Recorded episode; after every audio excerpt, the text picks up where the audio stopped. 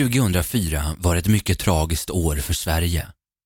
Utrikesminister Anna Lind huggs brutalt ner inne på NK och avlider till följd av sina skador. 543 svenskar mister sina liv i tsunamin som drog in över Indiska oceanen och Knutbydramat utspelar sig. Men det vi ska berätta om i dagens avsnitt handlar om två 18-åriga tjejer som mister sina liv alldeles för tidigt. Dubbelmordet på Hallandsåsen. Källor Aftonbladet, Domen samt Efterlyst special ifrån 2007. Skribent är Sofie Krantz. Jag heter Sebastian Krantz. Och det här är ett specialavsnitt som även finns med i vår bok Svenska mordhistorier som finns i butik och på nätet.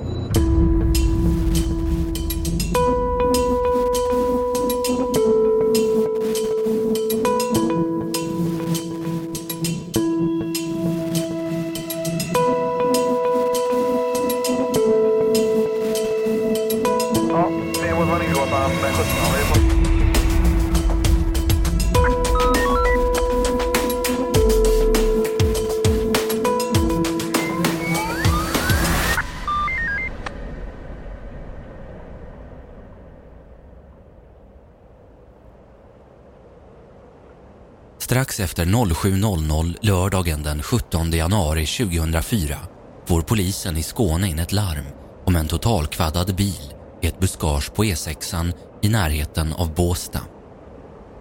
Bilen tillhör en 18-årig flicka vid namn Emma Karlsson.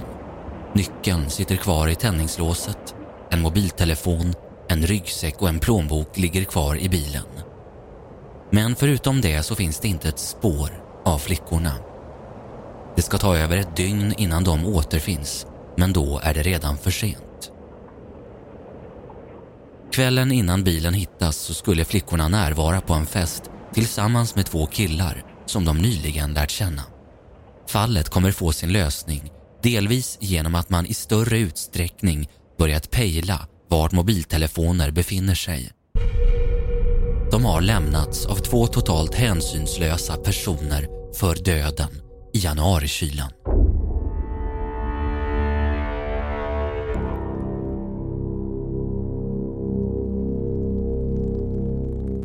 Emma växer upp i en trygg miljö och har god kontakt med sina föräldrar. Mamma och pappa är skilda sedan lång tid tillbaka.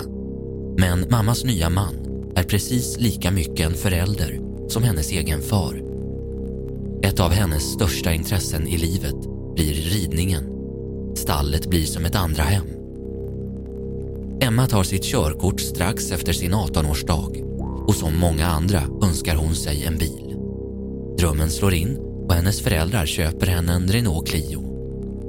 Den blåa lilla bilen blir hennes allt. Ingen får låna hennes bil.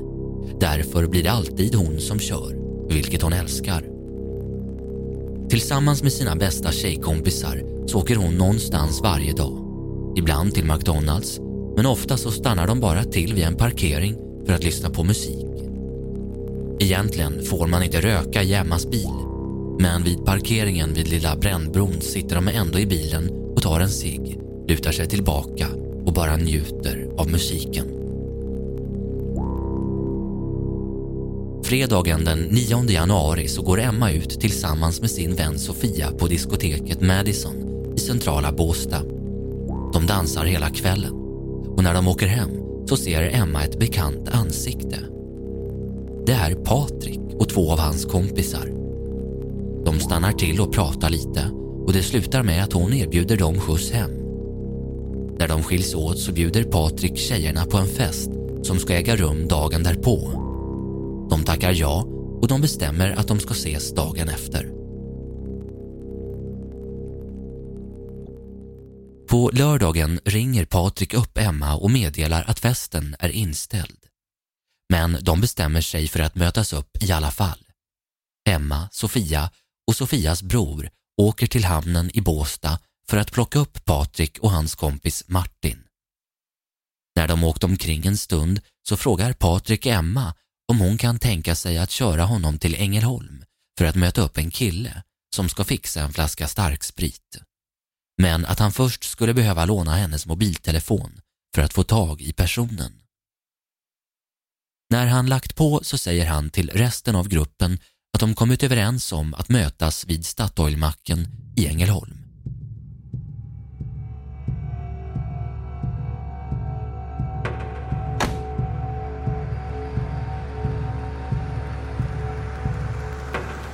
Efter en bilresa på ungefär 30 minuter så svänger de in vid macken. Patrik höjer rösten åt Emma och ber henne köra runt till baksidan. Se till att göra det diskret, fnäser han. De vill inte dra till sig uppmärksamhet. Killen som de ska möta upp, Amir, hoppar in i bilen. Sofia som sitter i framsätet sneglar bakåt och ser att Amir inte alls håller i någon spritflaska. Det är tabletter som han räcker över till Patrik. Emma hatar droger och tar totalt avstånd från allt som har med det att göra. Men blir ändå nyfiken och frågar hur de fungerar och hur länge Patrik hållit på med det. Killarna berättar hur man blir och föreslår att de andra ska testa. Men de tackar nej. Sofias bror Erik frågar vad Patriks styvfar, som är lärare på den gymnasieskola som han går på, hade tyckt om han håller på med droger. Den som skulle våga säga någonting till honom skulle jag döda, blir svaret. Patrik har ett väldigt hett temperament när någonting inte går hans väg. Han är känd av socialtjänsten sedan två år tillbaka. Han har hoppat av skolan och börjat hålla på med droger och alkohol. Flera orosanmälningar har gjorts och som följd till det så har han fått delta i ett speciellt program inom socialtjänsten med andra ungdomar. Trots sin låga ålder har han redan dömts för brott så sent som 8 augusti 2003 för misshandel i fem fall samt olaga hot. Bara två månader senare så döms han för ringa narkotikabrott och får böter. Kvällen lider mot sitt slut och Emma kör tillbaka killarna till Båsta. Samtidigt kommer de överens om att de ska ses nästa helg.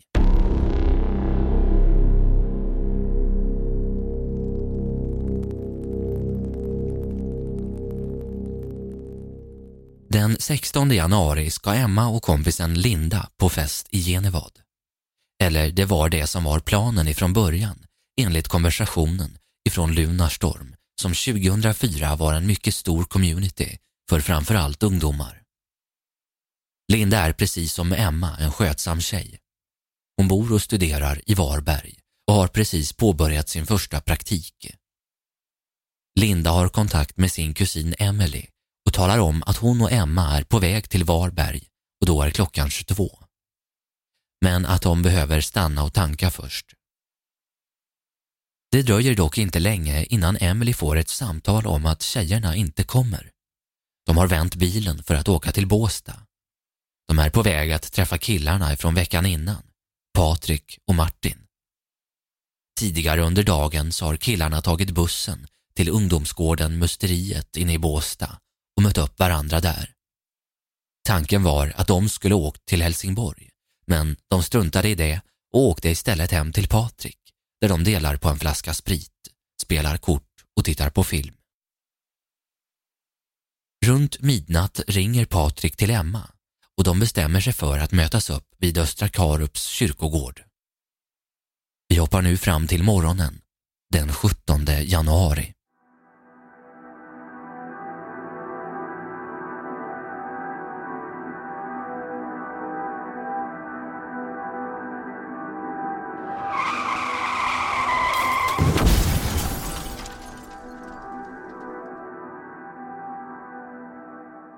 En kvinna vaknar mitt i natten upp av att hon hör en rejäl smäll. Hon tror att det kan vara någon som försöker göra inbrott i någon av familjens bilar. Men hon tittar ut och ser ingenting. Klockan är då runt 02.15 natten mellan den 16 och 17 januari. På förmiddagen därefter kommer en granne och knackar på dörren. Han berättar att han hittat en totalkvaddad bil inne vid ett skogsparti vid E6. Vid samma tid har ytterligare en kvinna och hennes man passerat bilen och bestämt sig för att stanna och kolla vad som har hänt. Inga personer verkar finnas där, men en mobiltelefon ligger i baksätet. Hon tar upp telefonen och ringer upp det senast slagna numret som är döpt till Patrik Båsta. Hon får inget svar. Hon bläddrar igenom telefonboken tills hon hittar kontakten mamma. Det är Emmas mobiltelefon kvinnan har hittat och hennes mamma kommer snart få det värsta tänkbara samtalet som en förälder kan få. Familjen åker omedelbart till platsen och möter upp både polis och kvinnan som hittat bilen. Emmas mamma visar polisen namnet på den senast uppringda kontakten. De känner omedelbart igen det. De vet att Patrik bor precis i närheten. Emmas mamma och syster åker hem till Patrik som öppnar dörren. Men han nekar till att han ens skulle ha träffat Emma och Linda under gårdagen. Han nekar faktiskt till att han ens känner någon som heter Emma. Bilen är hittad. Men vart är flickorna? Ungefär ett dygn senare kommer polisen och knackar på hemma hos Emmas familj. Bakom poliserna står en präst.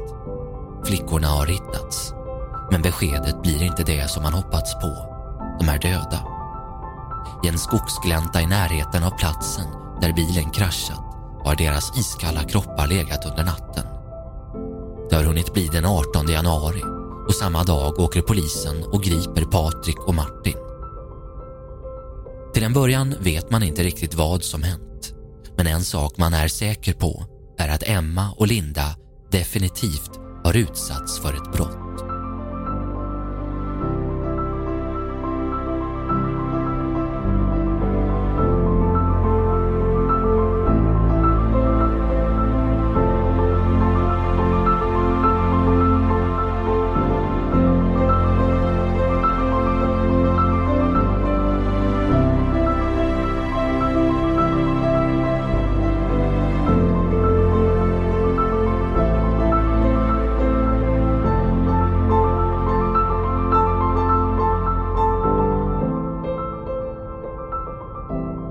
Efter den rättsmedicinska undersökningen står det klart att de dött av trubbigt våld mot huvudet. Polisen har nu ett dubbelmord att utreda.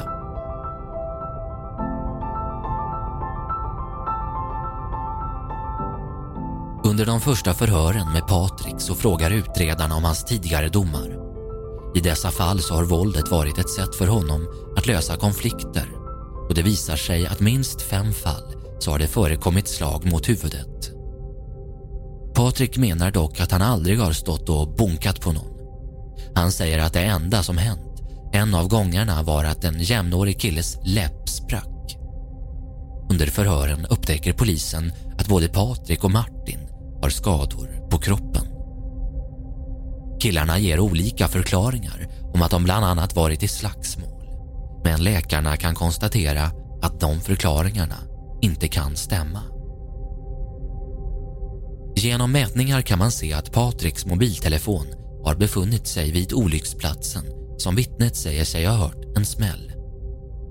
Bevisen tätnar och det blir svårare och svårare för killarna att ge bort förklaringar. Men utredarna behöver någonting avgörande för att kunna hålla dem frihetsberövade. Och efter den tekniska undersökningen så kan man konstatera att båda pojkarnas blod finns i bilen. Emmas blod finns även på Patriks jacka. Och dagen innan häktningsförhandlingarna så händer det någonting. Martin erkänner. Han medger att de varit med Emma och Linda under den aktuella kvällen och han erkänner sin egen inblandning i händelsen. En rekonstruktion görs på platsen där kropparna hittades.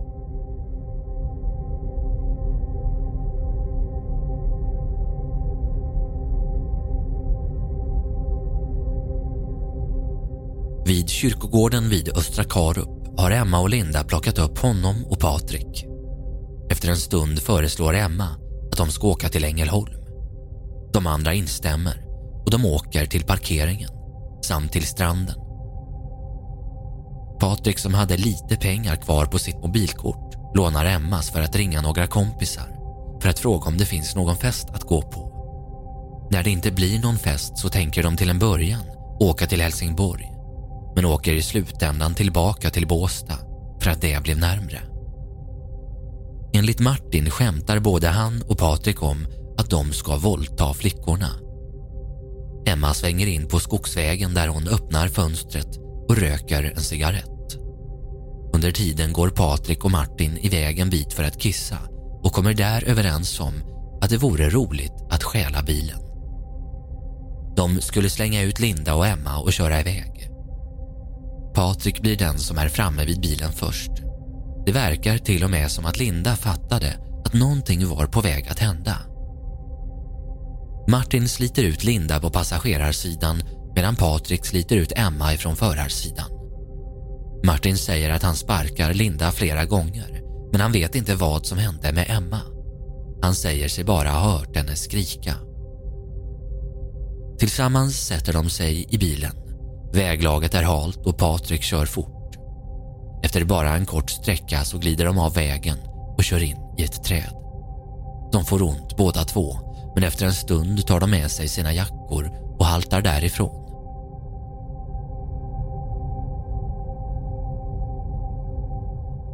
Patrik ringer till Amir som veckan innan sålt ecstasy och ber honom förse honom med ett alibi.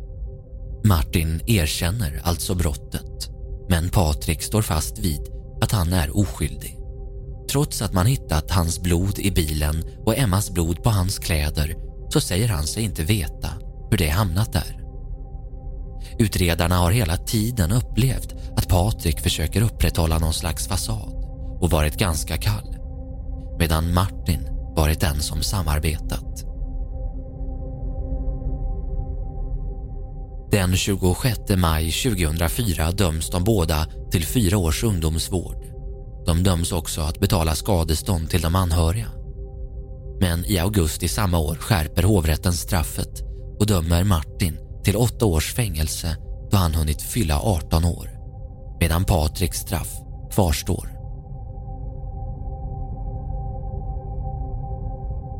Trots att det har gått 14 år sedan dubbelmordet så verkar Patrik inte ha velat ändra på sig. Men han är inte den enda i familjen som valt den kriminella banan. Nio år innan dubbelmordet på Hallandsåsen så döms Patriks kusin Pierre Ljunggren till fyra års ungdomsfängelse för mord på en afrikansk man i Klippan. Motivet ska ha varit rasistiskt. Patrik är brorson till Kate Sederholm som på 80-talet dömdes för ett mycket uppmärksammat mord på en ung man. Anledningen till att fallet blev så uppmärksammat var en granskning som Jan Guillou gjorde i både Aftonbladet och i TV. Till följd av granskningen så beviljas Kate Sederholm resning och frias ifrån sitt straff 1984. Bara två månader efter att Patrik döms för mordet på Emma och Linda så rymmer han ifrån ungdomshemmet. Och så sent som 2010 döms han till två års fängelse för grov misshandel och olaga frihetsberövande efter att han tillsammans med sin kusin Kate Cederholms dotter tagits in hos en ung man i Halmstad där de misshandlar honom, stjäl hans saker och tvingar med honom på en lång bilresa där de vägrar släppa av honom innan han ger dem 12 000 kronor. Patrik lever idag under ett annat namn. Du har hört dubbelmordet på Hallandsåsen med mig Sebastian Krantz. Skribent för det här avsnittet var Sofie Krantz. Tack för att du har lyssnat.